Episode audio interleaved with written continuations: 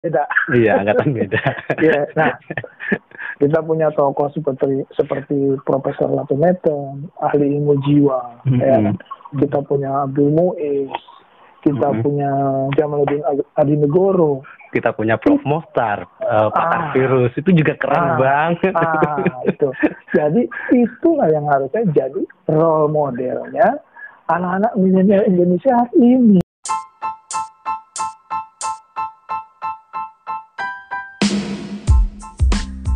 Halo pendengar setiap podcast di mana pun kalian berada, balik lagi bareng saya Ramadan MK, podcast tertanya sejarah. Nah kali ini eh, saya sudah kedatangan tamu. Halo Bung Arif Gunawan. Halo. Apa kabar Ramadan. nih? Baik, alhamdulillah. Tetap jaga kesehatan, insya Allah. Iya iya iya. Beliau ini Bung Arif Gunawan adalah seorang wartawan senior, banyak mengkaji juga. Tulisan-tulisannya banyak mengkaji tentang sejarah juga. Nah, nah kali ini kita mau ngobrolin banyak hal sebenarnya. Jadi udah Hmm. banyak ini Bung Arif. Ya. Eh, kemarin itu udah banyak yang DM. Eh, Ya. Bang, kapan nih podcast sejarah bahas stafsus milenial? Wah, berarti berarti responnya positif dan apa? Sebetulnya kebutuhan generasi sekarang untuk uh, apa menambah pengetahuan tentang sejarah itu sebetulnya sangat besar ya. Iya. Makanya uh, saya, saya pernah bilang sama Bung Ramadan Mm-mm. uh, podcast tanya sejarah ini sebetulnya salah satu alternatif yang menurut saya cocok lah dengan generasi sekarang yang memang pengguna gadget saya kira ya. Mm-mm. Ya jadi dari situlah ya udahlah saya, akhirnya sebenarnya juga saya pribadi juga geram juga sih atas kasus Hmm. kemarin itu kasus ya. Ya menurutku menurut saya pribadi itu kok nggak punya etika gitu. Dan saya geram Hmm. juga dan akhirnya juga semangat juga bikin konten ini. Tapi dalam konteks ini sebenarnya saya ingin melihat juga sih untuk mengkomparasikan. Kita melihat dari kasus eh, era milenial ini di status milenial ini di compare dengan eh, Ya. kondisi para pemuda atau para milenial di era kolonial dulu atau mungkin di eranya Soekarno lah kita bisa melihat bagaimana Iya. kan begitu. Kalau Bung Arif sendiri bagaimana melihat eh, fenomena status sendiri sebelum kita masuk pa- apa kondisi milenial di era kolonial dulu itu? Ya, ya, ya, ya. Jadi gini, pertama saya ingin menjelaskan eh, bahwa dalam ketatanegaraan kita itu Hmm. istilah staff sus, staff khusus itu sebetulnya muncul pada saat 2004, yaitu menjelang SBY membentuk kabinet. Mm-mm. Ini yang eh, 2004 ya, eh, periode pertama ya SBY. Dia kan dua periode kan. Mm-mm. Nah itu waktu itu muncul wacana bikin stafsus yang kira-kira akan mengadopsi seperti di Gedung Putih lah. Di, di Gedung Putih itu ada yang namanya West Wing. West Wing itu isinya itu adalah staf, staf khusus yang terdiri dari berbagai expert ya. Ada uh, ahli media, ada ahli hukum, sosiolog, antropolog, macam-macam. Ada ekonom juga. Nah, Mm-mm. tugasnya tentu memberikan apa uh, hal-hal baru, gagasan baru, memberikan hal-hal yang inovatif kepada presiden. Dan Oke. kemudian juga dia ikut mengevaluasi berbagai kebijakan, misalnya bagaimana implikasi medianya, bagaimana implikasi sosiologisnya, misalnya begitu. Nah, Hmm. ini yang sudah jalan di West Wing, di Gedung Putih sana, di Amerika. Nah, Oke. di era SBY pertama kali terpilih jadi presiden, SBY mencita-citakan dibentuknya West Wing ini, gitu loh. Mm-mm. Tapi kemudian secara ke- kelembagaan itu sebetulnya tidak berjalan karena eh, yang terjadi kemudian SBY adalah menunjuk beberapa orang saja sebagai staf khusus. Memang ada pembidangan-pembidangan ya, misalnya mengenai ekonomi siapa, mengenai eh, komunikasi media siapa, ada lah kira-kira. Tapi fungsinya sebetulnya kurang lebih sama lah dengan juru bicara gitu kira-kira. Oke. Ini kembali lagi ya fenomena yang belakangan ini mencuat itu soal Hmm. ya salah satu staf sus presiden ini juga bikin geram Hmm. yang Andi Taufan ya. Iya, itu iya, kan iya, juga apa ya dia ya itulah menggunakan kop Mm-mm. set cup Iya untuk camat ya dikirim surat ke anu. itu itu Itu juga parah itu. parah parah banget parah banget Nah, ya itu- apalagi itu merembet akhirnya kan ternyata ya staf lainnya si misalkan si siapa Belva ya si Belva. Ya si Belva Devara iya. ini juga ternyata Hmm. Ternyata perusahaannya ternyata juga sudah menjadi mitranya iya, iya. mitranya pemerintah iya. untuk program prakerja iya. ya mungkin abang bisa mengkompar lah ini kan banyak artinya kita melihat di sini banyak kepentingan jadi tidak etis lah di tengah situasi pandemi kayak begini ada ada politik kepentingan yang begitu kuat dan kentara yeah, iya. begitu. Yeah. Nah, saya ingin yeah. melihat nih, Bung Arif soal hmm. Jadi ingin melihat bagaimana sih jika dibandingkan generasi sekarang dengan mungkin generasi era Soekarno atau generasi milenial di era kolonial. Ini saya mengacu karena banyak netizen itu di Twitter atau di media sosial yeah. itu kan nyebut merespon merespon yeah. apa staf sus milenial ini, wah ini yeah. kok fisiknya aja yang milenial, otaknya kok kolonial. Iya, iya, iya, iya, iya, iya. Ya. Nah, itu gimana Bung Arif? Ya, jadi gini, uh, soal uh, kasus yang melanda stafsus itu tentu hmm. saja itu membuktikan bahwa mereka tidak mempunyai pemahaman yang cukup mengenai fungsi uh, dan kedudukan ketatanegaraan. Hmm. Bahkan mereka juga sebetulnya mungkin nggak ngerti uh, positioning mereka dalam dalam istana itu seperti apa, ya hmm. ya kan? Mm-hmm. Uh, ini kan bukan saja overlapping, tetapi secara etika seperti yang anda bilang tadi, memang sudah melakukan pelanggaran ya. Mm-hmm. Ini jadi uh, tidak sesuai dengan predikat milenial itu tadi ya. Kalau ada gambaran umum milenial itu kan satu generasi yang cerdas, satu generasi yang punya yep. pemahaman yang utuh mengenai berbagai hal. Nah, kemudian bandingannya dengan tadi Bung Ramadan katakan bagaimana dengan generasi muda Indonesia di masa nah. kolonial ya. Jadi saya pertama begini, hmm, uh, para tokoh pergerakan Indonesia uh, angkatan 20 yang kemudian angkatan sebelumnya bahkan uh, hmm. angkatan Rajiman, angkatan uh, Dr. Cipto Mangunkusumo itu pertama-tama mereka mendisiplinkan diri dalam hal studi Hmm.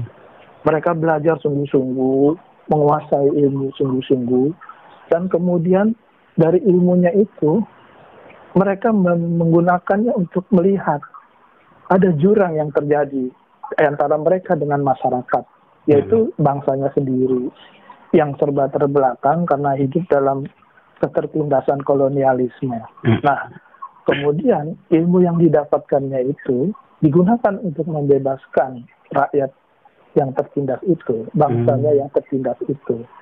Itulah yang kemudian menjelaskan Hatta melakukan itu, Cipto Mangunkusumo melakukan itu, Ki Hajar Dewantara melakukan itu sesuai dengan bidang ilmu yang mereka pelajari, hmm. ya. Hmm. Jadi itulah kontribusi mereka dan hmm. mereka bersungguh-sungguh uh, apa uh, uh, menambah pengetahuan, menambah uh, apa mematangkan diri itu sungguh-sungguh Misalnya kalau kita baca sejarah perhimpunan Indonesia, anak-anak Indonesia, mahasiswa Indonesia yang sekolah hmm. di Belanda, itu mereka sudah terlatih dalam perdebatan, dalam hmm. dialektika pemikiran, ya. Hmm. Uh, tapi itu kan bertolak belakang dengan generasi muda hari, generasi muda Indonesia hari ini yang kemudian di, oleh kekuasaan hari ini direpresentasikan dengan milenial milenial status itu, ya hmm. kan? Hmm itu kan kontradiktif. Ketatanegaraan aja mereka nggak ngerti. Ada stafsus ngirim surat ke level sama. Mohon maaf. Oke, kopnya kan? Setkap lagi. Kopnya kop istana lah ya. Kan wah ini bagaimana? Kemudian dari dari segi jumlah kan mereka kan besar sekali ya. Mereka yang yang golongan yang baru dilantik itu kan ada tujuh orang ya. Iya Kemudian sebelumnya itu kalau nggak salah sudah ada enam orang ya dari hmm. kelompok aktivis. Jadi stafsus itu ada sekitar 13 ya. Iya sih. Itu. Hmm. Nah, gaji per bulan mereka adalah 51 juta. Bayangkan.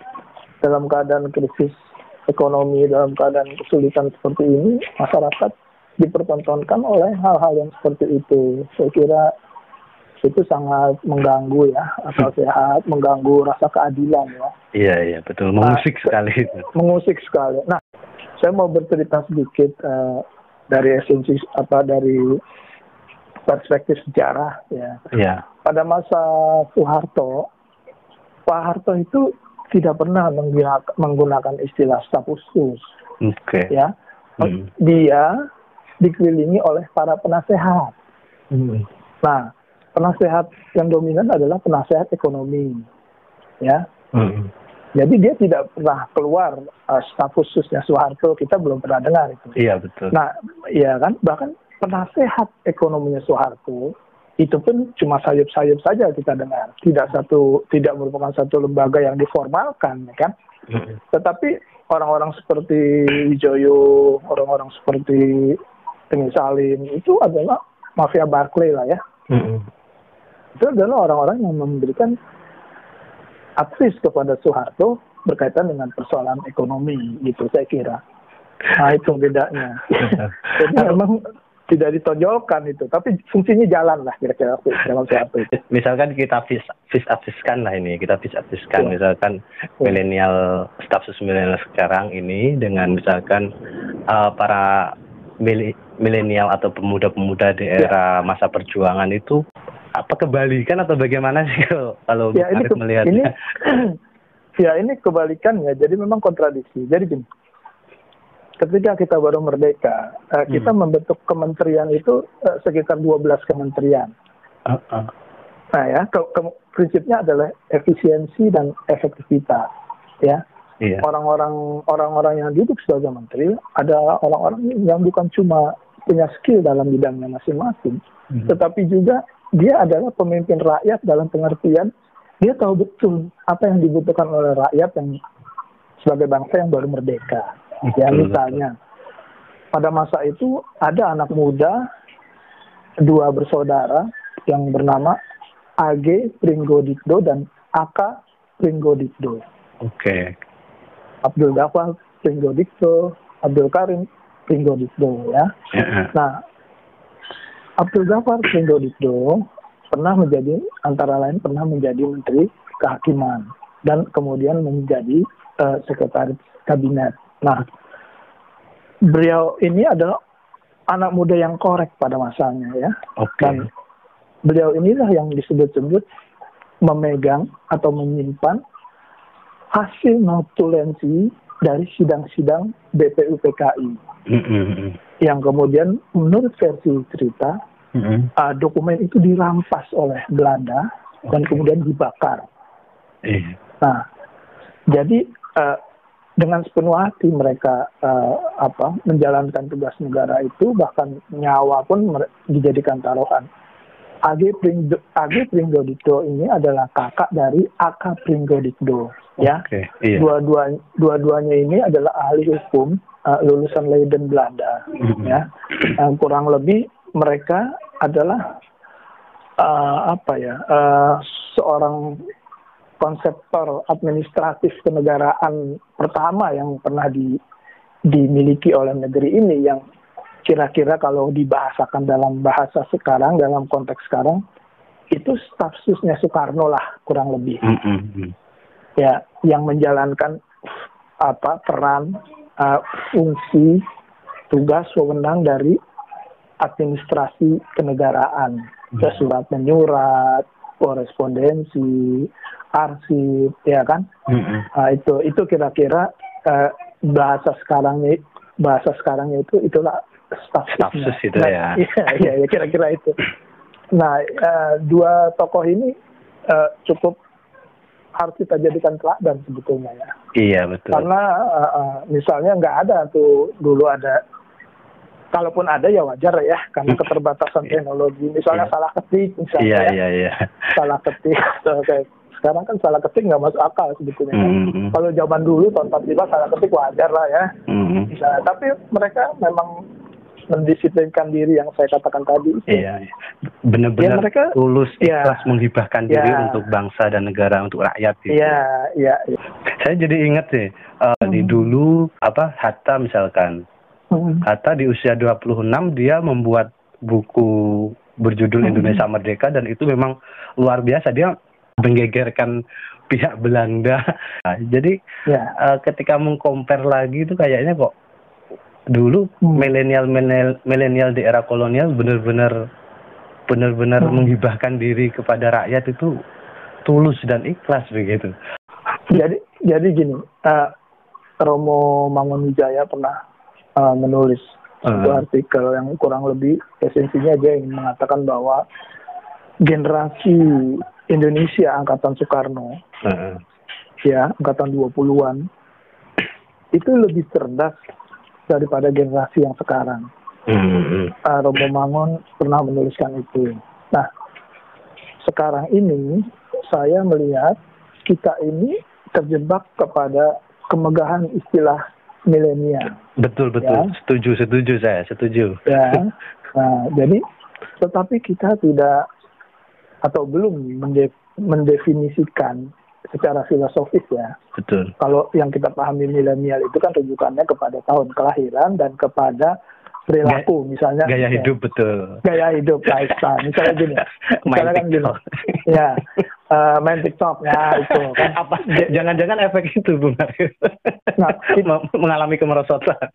nah itu definisi yang menurut saya sangat dangkal Betul betul. ini omongan saya ini terbukti kok status Mm-mm. milenial aja nggak ngerti itu fungsi ketatanegaraan peran ketatanegaraan itu Be- kan menunjukkan kedangkalan mereka gitu loh That's true, that's true. Iya kan jadi Hmm. ki- kita atau mereka itu terperangkap dalam kemegahan istilah milenial itu Mm, nah ya kan Uh, jadi definisi kita mengenai milenial itu lebih kepada perilaku dan tahun kelahiran dan gitu. Tampilan, dan tampilan. ya lifestyle tadi misalnya ya Iya. nah misalnya gini perilaku milenial adalah pokoknya dia uh, high tech lah High tech, Ga- ya. gadget gadget, uh, melek media iya kan? sosial, iya itu punya daily vlog. ah iya kan Nah, bukan itu Iya, gitu itu dangkal sekali, da- dangkal, Dangkal sekali Oh, betul. gitu. Kita lihat misalnya, maaf saya terpaksa mencontoh Korea atau Jepang. Iya, iya, iya, iya. Mereka punya kok uh, generasi milenial. Mm-mm, Mereka juga klaim kok mereka ada generasi milenial. mm-mm. Tapi ya generasi milenial mereka itu itu tidak tercerabut akar budaya dan akar sejarahnya. Betul, betul, betul.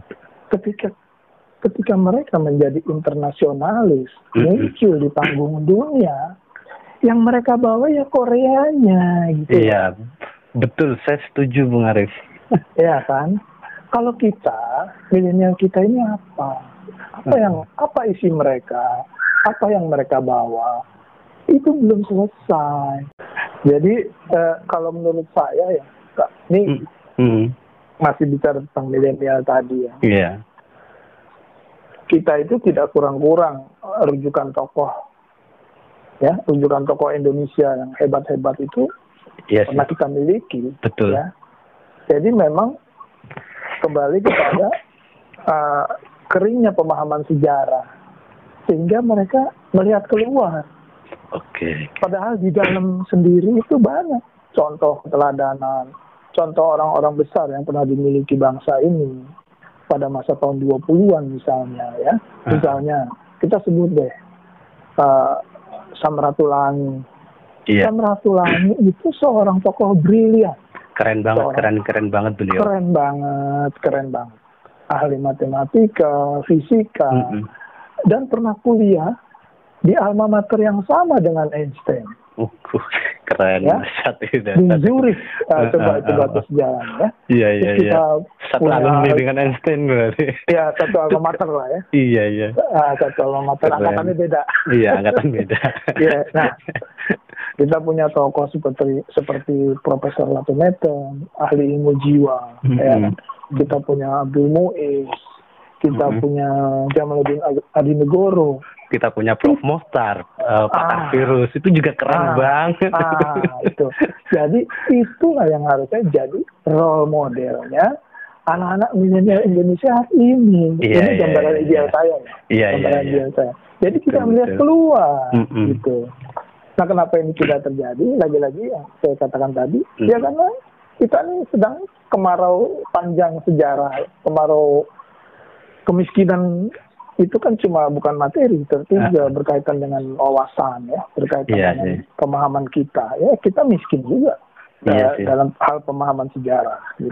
Iya, misalkan kalau untuk di bidang di bidang seni atau di bidang apa ya hiburan kita juga punya Hmm. Tillman Brothers bersaudara Nah, itu juga menjadi itu rujukan Brothers tuh dahsyat itu. dasar banget itu Beatles Ah. saja dia merujuk kiblat ah, kiblat Iya. musiknya ke situ jadi kita juga sebenarnya bahkan figur Elvis, Elvis Presley. Presley itu Iya. pernah mengakui itu inspiratornya dia itu. Iya iya iya iya. Ah. Artinya kita nggak kurang nggak kurang kurang amat sih nggak nggak miskin miskin amat ya selalu tokoh Oh iya, iya. tokoh-tokoh keren Iya. gitu.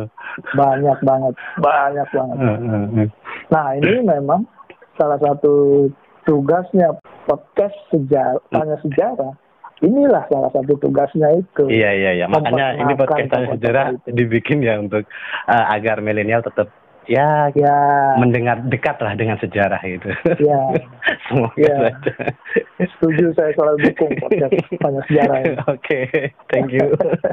Eh, jadi itu tadi sebenarnya apa dari Hmm. obrolan kita tadi kita bisa melihat eh, ada satu jurang pemisah yang Hmm. kuat sebenarnya antara milenial yang sekarang dengan milenial di era kolonial atau masa perjuangan Ya. itu ada ada apa ya distorsi baik secara Ya. dari makna aja udah eh, kita mengalami pendis pendistorsian yang sangat besar Hmm. begitu. Hmm. Terima, Saya boleh tambahkan Iya, sedikit? silakan. Ya, jadi gini, eh, jadi kita berharap banyak hal yang mudah-mudahan bisa kita perbaiki Iya betul. pas pasca dari pandemi corona ini ya. Iya, Eh, kita mau belajar nggak dari pandemi ini? Setelah Insya Allah mudah-mudahan dalam waktu dekat pandemi ini selesai. iya bisa lah semoga kita selalu ya kita berdoa untuk itu dan Mhm. kemudian hikmah apa yang kita mau ambil? Bisa nggak kita mengambil pelajaran dari sejarah hari ini? Betul Iya betul kan? betul betul. Sejarah hari ini kan sedang berlangsung, yaitu pandemik corona. Oh, Nah, ketika badai corona ini selesai, apa Ah. kita akan melakukan merumuskan apa? mm-mm. Apakah misalnya tadi kita merumuskan ulang apa yang dimaksud dengan milenial misalnya, Mm. ya kan? Kita merumuskan ulang kesalahan eh, perekonomian, tata kelola perekonomian kita yang salah yang selama bertahun-tahun yang mengikuti arus neoliberal ini. Betul betul. Jadi Pa- Parah parah Kemud- banget. kemudian apa sih eh, apakah setelah badai ini kita akan semakin peduli semakin akan belajar dari sejarah ya Mm-mm. Eh, banyak hal yang kita mesti renungkan se- bagaimana setelah badai corona ini berlalu saya kira itu Bung Ramadan Oke, terima kasih Bung Arif Ya, sudah siap mampir lagi di podcast Tanya Sejarah. siap Seru banget obrolannya tadi, Ya, penuh saya- penuh edukasi dan penuh ya eh, informasi-informasi yang sangat bermanfaat. Siap. Semoga ini bisa siap eh, menambah wawasan teman-teman milenial, Ya, khususnya para pendengar podcast Tanya Sejarah lah ya. ya Oke, begitu aja. Insya Terima Allah. kasih Bung Arif. Ya, terima kasih Bung Ramadan. Oke. Maju terus podcastnya, Siap. memberikan sumbangsi buat bangsa dan negara Amin, amin. tanpa menghitung-hitung. Iya, siap. Jalankan, Iya, siap, siap, jalankan, ambil peran dalam situasi negara dan bangsa seperti ini. Iya, Terima siap, kasih, siap Bung. Bung Arif. Oke, demikian Ya. pendengar setiap podcast Tanya Sejarah obrolan saya dengan Bung Arif Ram, Bung Arif Gunawan. Sampai jumpa di podcast episode selanjutnya. See you.